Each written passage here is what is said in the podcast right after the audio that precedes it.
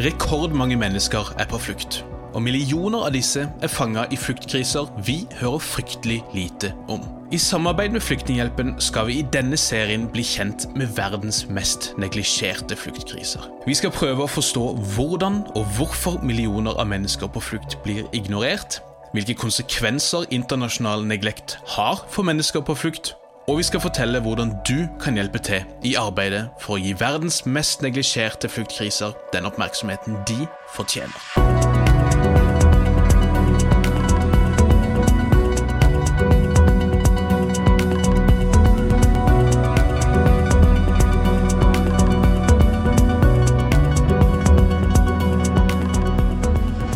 Ja, hei og hjertelig velkommen til første episode av Verdens mest neglisjerte fluktkriser. Et podkastsamarbeid mellom Hva skjer med verden og Flyktninghjelpen. Mitt navn er Bjørnar Østby, og jeg er høyskolelektor ved Institutt for statsvitenskap og internasjonale relasjoner på Bjørknes høgskole. Og vi på høyskolen og på instituttet er veldig stolte over å ha samarbeida godt og tett med nettopp Flyktninghjelpen i over ti år. Og Derfor er vi veldig glade for å nå kunne ta dette samarbeidet inn i podkastverden. Tema for denne lille podkastserien er verdens mest neglisjerte fluktkriser. For rekordmange mennesker er på flukt globalt. Ved inngangen til 2021 var over 80 80 millioner mennesker på flukt verden over, og svimlende 55 millioner av disse var fordrevet innenfor egne landegrenser. Disse tallene er sjokkerende i seg selv, men realiteten blir desto mer dyster. For der noen få fluktkriser får mye oppmerksomhet internasjonalt, lider altfor mange under en livsfarlig mangel på oppmerksomhet, politisk handling og økonomisk hjelp. Og det er nettopp disse mest neglisjerte fluktkrisene og menneskene denne serien skal handle om. Flyktninghjelpen jobber i disse mest neglisjerte områdene globalt, og er til stede når få andre er det. Men dette arbeidet er ekstremt utfordrende, for uten oppmerksomhet kan man dessverre se langt etter politisk handling og økonomisk hjelp. Sammen med Flyktninghjelpens eksperter ønsker vi derfor å skape oppmerksomhet om nettopp disse krisene, mens vi lærer om hvordan flyktkriser blir neglisjert, hvorfor de blir det, hvilke konsekvenser neglekt får for mennesker på flukt, og hva du kan gjøre for å hjelpe. For dette arbeidet er ikke håpløst, og du er langt ifra så maktesløs som du kanskje tror i møte med disse krisene.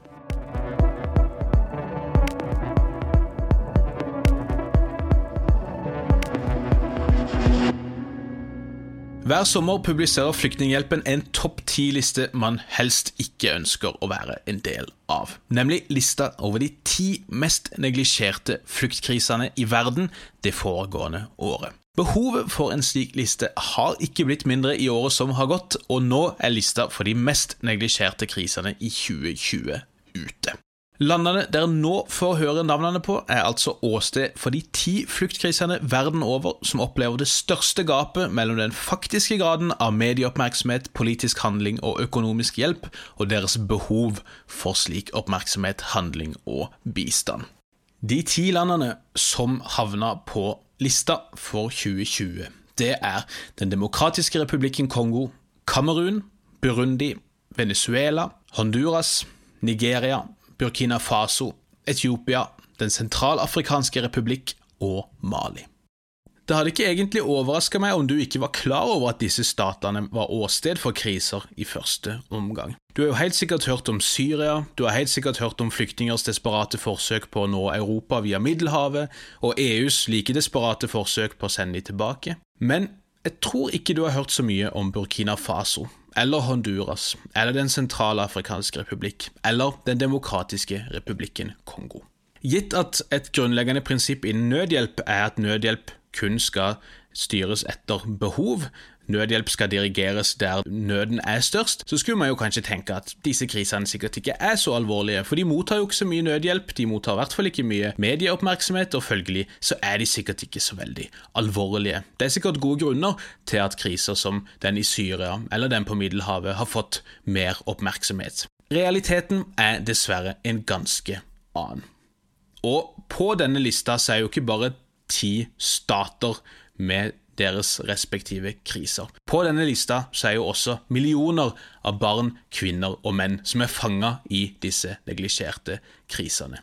Dette er mennesker som har opplevd ting som væpna konflikt, seksuell vold, gjengkriger, epidemier, hungersnød og naturkatastrofer, for å nevne noe. Skal situasjonen deres forbedres permanent, trengs varige politiske løsninger. I mellomtida trengs akutt nødhjelp. Men det er ikke noen vilje til å finne politiske løsninger, nødhjelpen blir ikke finansiert, og internasjonale medier ser en annen vei. Resultatet er dødelig neglekt.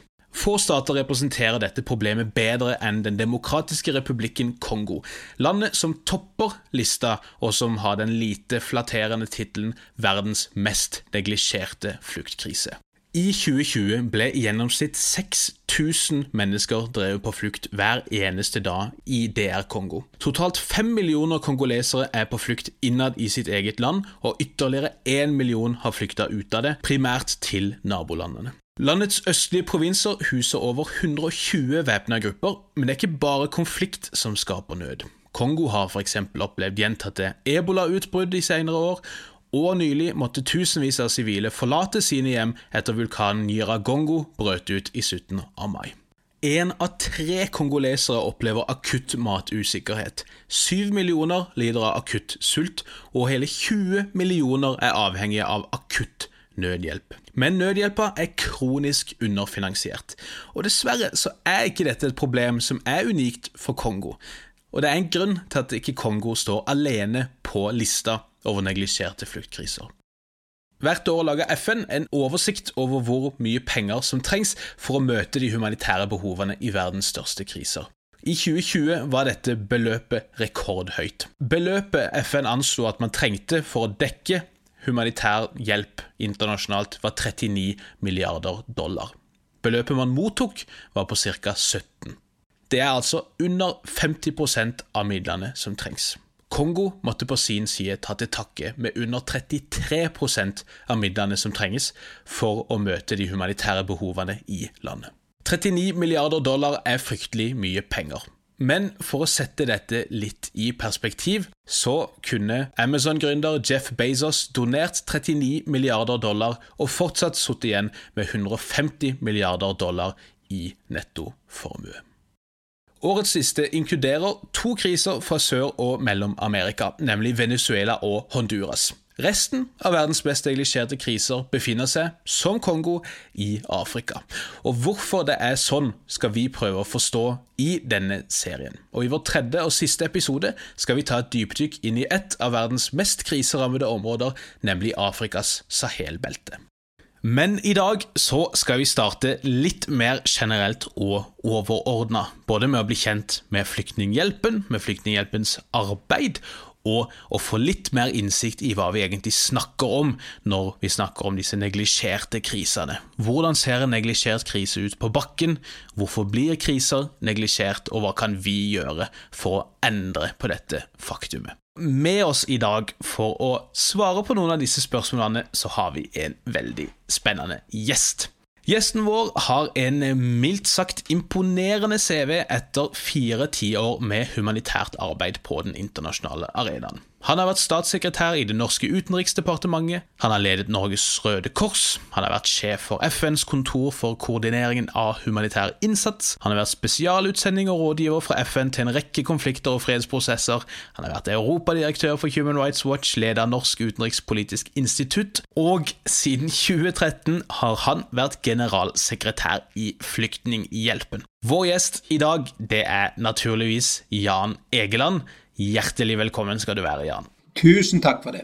Kan du kort introdusere våre lyttere for hva slags organisasjon Flyktninghjelpen er, og hvordan deres arbeid og virke ser ut internasjonalt i dag? Flyktninghjelpen er jo en norsk stiftelse, eh, og vi er 75 år i år. Faktisk nå i mai er vår 75-årsdag, for vi ble i mai 1946 lansert som en innsamlingsaksjon av og fra det norske folk til flyktningene som var i Europa etter andre verdenskrig. Europa ligger i ruiner. Andre verdenskrig har, eh, har, har eh, rammet eh, land etter land, by etter by.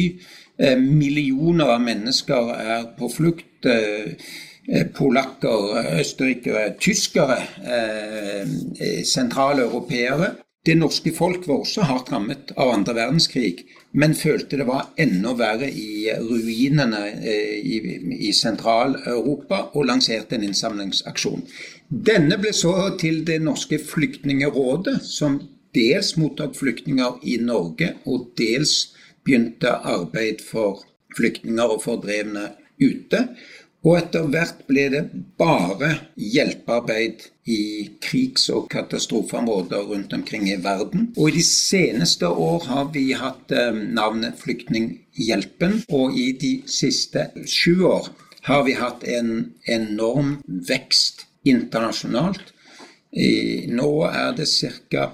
40 giverland og internasjonale organisasjoner som ser at Flyktninghjelpen er en av verdens mest effektive måter å hjelpe fordrevne på.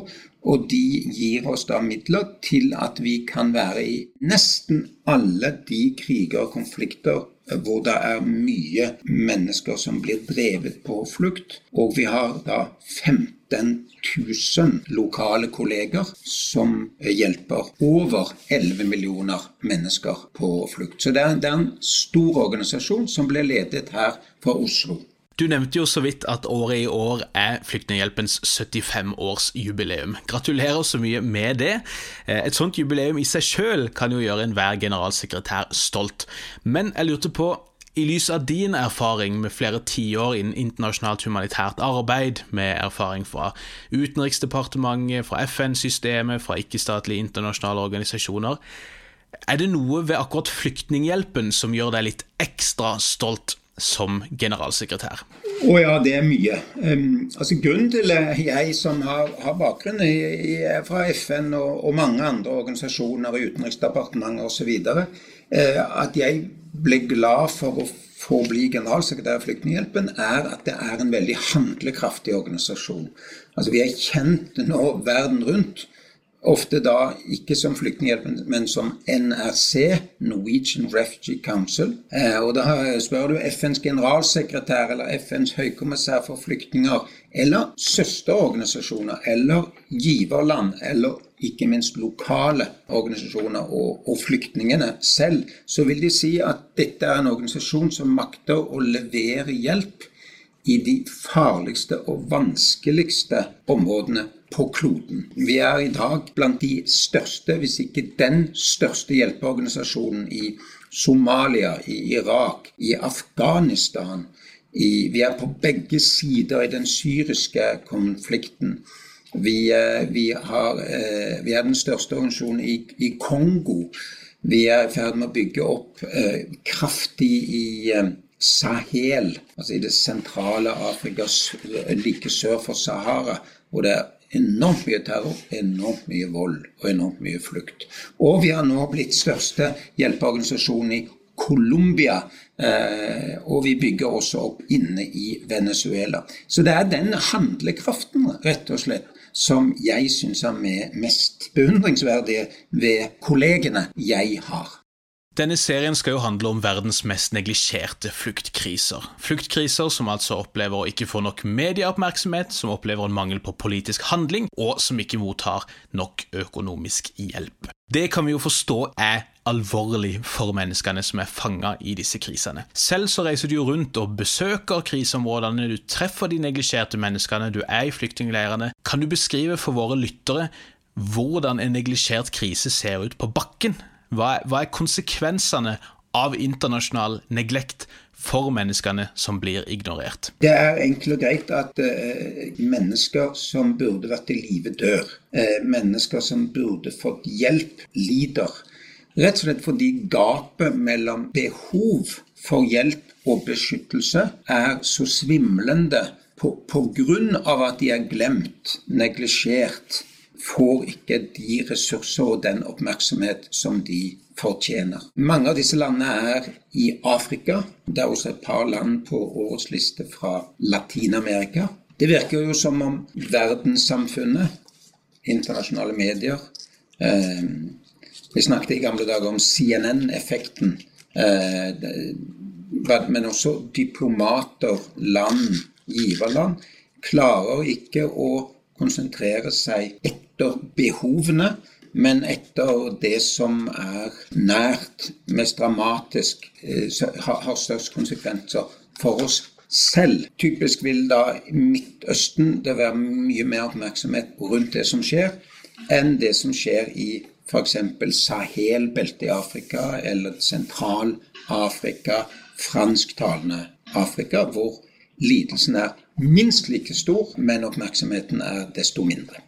Som du så vidt var inne på, så er det jo slående hvordan åtte av ti av verdens mest neglisjerte fluktkriser er i Afrika. Det er jo dessverre ikke noe nytt likevel. Dette har vi jo blitt nærmest vant med etter hvert, at flertallet av krisene befinner seg på det afrikanske kontinentet. Stater som er på årets liste, som DR Kongo, Den sentralafrikanske republikk og Kamerun, har jo blitt nærmest faste innslag på lista de siste årene, til tross for stadig nye og fryktelige voldsbølger med dertilhørende humanitær nød og fluktkriser. Man kan jo lure litt på hva som skal til for at disse krisene skal få den oppmerksomheten de så sårt trenger og fortjener. Er det, er det så enkelt som at dette foregår for langt vekke fra Europas grenser, og, og at det ikke har nok påvirkning på europeisk politikk, eller, eller er det andre aspekter som er viktigere, tror du? Ja, det, er jo, det er jo klart sammensatt. Det landet som er på topp av listen, altså får minst oppmerksomhet, minst penger, minst eh, diplomatiske initiativer i forhold til behovene. Og det er hele tiden i forhold til behovene. Det er jo Kongo. Kongo har, har, jo vært i sammenhengende krise nå i en generasjon. Det er langt fra Europa.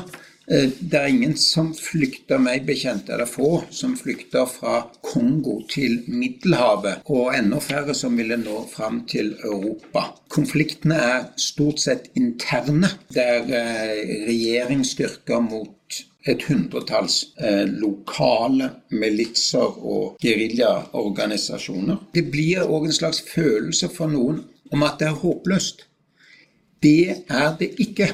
Vårt poeng er jo at vi er effektive i vårt hjelpearbeid i Kongo. Vi når fram til de som trenger det mest. Vi klarer å gi håp, skolegang, til og med levebrød. Kongo er et rikt land på naturressurser. Det er eh, et sted man kan dyrke all mat som trenges. Altså det, det vi trenger, er hjelp til å kunne hjelpe disse menneskene, slik at de kan hjelpe seg selv. Og, Derfor er det viktig for oss å få fram det nytter. Det er mulig å, å, få til en endring, men vi kan ikke gjøre det hvis det ikke er noen oppmerksomhet rundt det at her er det et gap mellom behov for hjelp og den hjelpen som faktisk gis. Der fikk vi faktisk de to ordene jeg hadde håpet på at du skulle si, nemlig 'det nytter'. For jeg hadde litt lyst til å utfordre deg på akkurat de to ordene. For boka di fra 2007, som handler om din tid som sjef for FNs kontor for koordineringen av humanitær innsats, den boka het nettopp 'Det nytter'. Og ut av en ren nysgjerrighet, egentlig, så gikk jeg inn og sjekka tallene i Flyktninghjelpens eget flyktningregnskap fra 2007. Der fant jeg at noe sånn som 38,4 millioner mennesker var på flukt ved inngangen til 2007. Spoler vi fram til inngangen til 2021, så var over 80 80 millioner mennesker på flukt. Vi har altså hatt mer enn en dobling i løpet av en 13-14 års periode. Selv en beinhard optimist kan jo bli litt motløs i møte med sånne tall. Så jeg hadde lyst til å utfordre deg på akkurat det. Nytter det fortsatt? Og i så fall, hvordan holder du oppe pågangsmotet og optimismen i møte med tall som i hvert fall utenfra kan se ut som de bare blir verre år for år? Ja, hadde jeg skrevet en bok i dag, så hadde jeg vel eh, kanskje fortsatt kalt den 'Det nytter', mm. del to. Ja. eh, I den forstand at når jeg reiser i land som Kongo, da møter jeg mine kongolesiske kolleger, snakker lokale språk, er en del av samfunnet, men de er høyt utdannet, og de, og de er, har fått den nødvendige treningen av oss de leverer hjelp som får store positive ringvirkninger. Så, så jeg, når jeg er i felten, så ser jeg mye mer at vi lykkes enn at vi mislykkes. At hjelp kommer fram, og at menneskeliv blir dramatisk endret til det bedre. Så det, det, deri ligger elementet at det nytter. Det nytter å gi hjelp. Og det er, nytter absolutt ikke å, å bare eh, snu seg bort. Da forstørres problemet. Men, men, det er riktig at da jeg var ferdig med min jobb som undergeneralsekretær for humanitært arbeid i FN i 2006, som er i perioden eh, fra 2003 til 2006 som jeg skriver om i boka Det er riktig at, på, at i den boken var jeg mer optimistisk for utviklingen i, eh, i internasjonale relasjoner og i konfliktbildene rundt omkring i verden enn en det som faktisk har skjedd. Eh, vi hadde da gått igjennom en positiv utvikling siden slutten av den kalde krigen, eller, eller om en vil De krigene som oppsto idet Sovjetunionen gikk i oppløsning og vi fikk slutt på den kalde krigen, det var altså kriger i første halvdel av 90-tallet. De krisene hadde, krigene hadde gradvis blitt redusert, slik at det egentlig helt fram til ca. 2010 var et ganske positivt bilde i verden. Det var um, Antallet flyktninger og fordrevne var rundt 40 millioner alt i alt. Et veldig høyt antall, men det var nokså stabilt i en verden med voksende verdensbefolkning. Og så får vi altså Syria-konflikten, Jemen-konflikten, og så blir det en forverring i, i Kongo, i, um, i eh, Sahel-beltet i Afrika, i, eh, etter hvert også i Colombia i Latin-Amerika osv. I Myanmar. Det blir for mange steder hvor konfliktene blir verre, og aller verst er Syria-konflikten, som går da fra å være et flyktningemottakende land fra Det var flyktninger i Irak, i Syria, da krigen brøt ut i 2011-2012. Og siden det har 12 millioner mennesker blitt drevet på flukt bare inne i Syria. Så antallet på flukt har gått fra rundt 40 til over 80 millioner på dette tiåret. Det er den mest dramatiske utviklingen jeg har hatt i, i, i fluktbildet i verden siden andre verdenskrig. Kan jeg be deg helt avslutningsvis, Jan, om en liten appell til våre lyttere som nå kanskje tenker på hvordan de kan hjelpe Flyktninghjelpen i arbeidet dere gjør inn mot verdens mest neglisjerte fluktkriser. Hva kan de gjøre for å hjelpe dere? Da kan de gjøre som Bjørknes og, og hjelpe oss til å hjelpe flere. Eh, det er, Vi lever, vi nordmenn, i, i, verdens fredeligste, mest privilegerte land. Vi kommer nå gjennom pandemier, vi, vi eh, har nesten full sysselsetting. Vi er et av de mest privilegerte folkene i verden. Og da har vi altså muligheter til å få lov til å hjelpe andre som har ingenting. Verken eh, fred eller frihet eller mat eller utdannelse eller håp. Og, og, man gir rett og slett håp ved å gjøre en organisasjon som Flyktninghjelpen i stand til å hjelpe flere. Og da kan man bli en fast giver. Eh, og som min 99 år gamle mor er, f.eks., som gir sitt bidrag hver måned til vårt arbeid. Eller man kan òg gjennom da Bjørknes, og det vil vel podkasten kunne bidra til, komme med tips om hvordan man kan gi engangsbeløp til Flyktninghjelpen. Og da er vi veldig takknemlige og lover å forvalte midlene med stort alvor og etter streng kontroll. Strålende. Tusen takk for at du tok deg tid, og tusen takk for det arbeidet dere gjør. Takk til Bjørknes for alt dere gjør for oss og Flyktninghjelpen.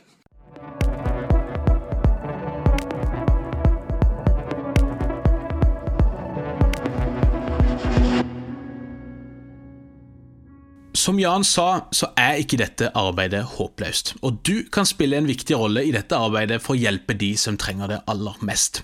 Det kan du gjøre på flere måter. For det første kan du være med på å skape oppmerksomhet om disse neglisjerte krisene og menneskene ved å dele det du har lært med venner, med familie og med andre som du mener burde vite mer om verdens mest neglisjerte fluktkriser. Du kan dessuten skaffe deg mer kunnskap om denne tematikken. Det kan du gjøre f.eks. ved å følge Flyktninghjelpen på sosiale medier, og du kan gå inn på flyktninghjelpen.no og lese rapporten om verdens ti mest neglisjerte fluktkriser. Du kan lese andre tall og fakta om mennesker på flukt i dag, og du kan bli bedre kjent med det livsviktige arbeidet for å hjelpe flyktninger og internt fordrevne globalt.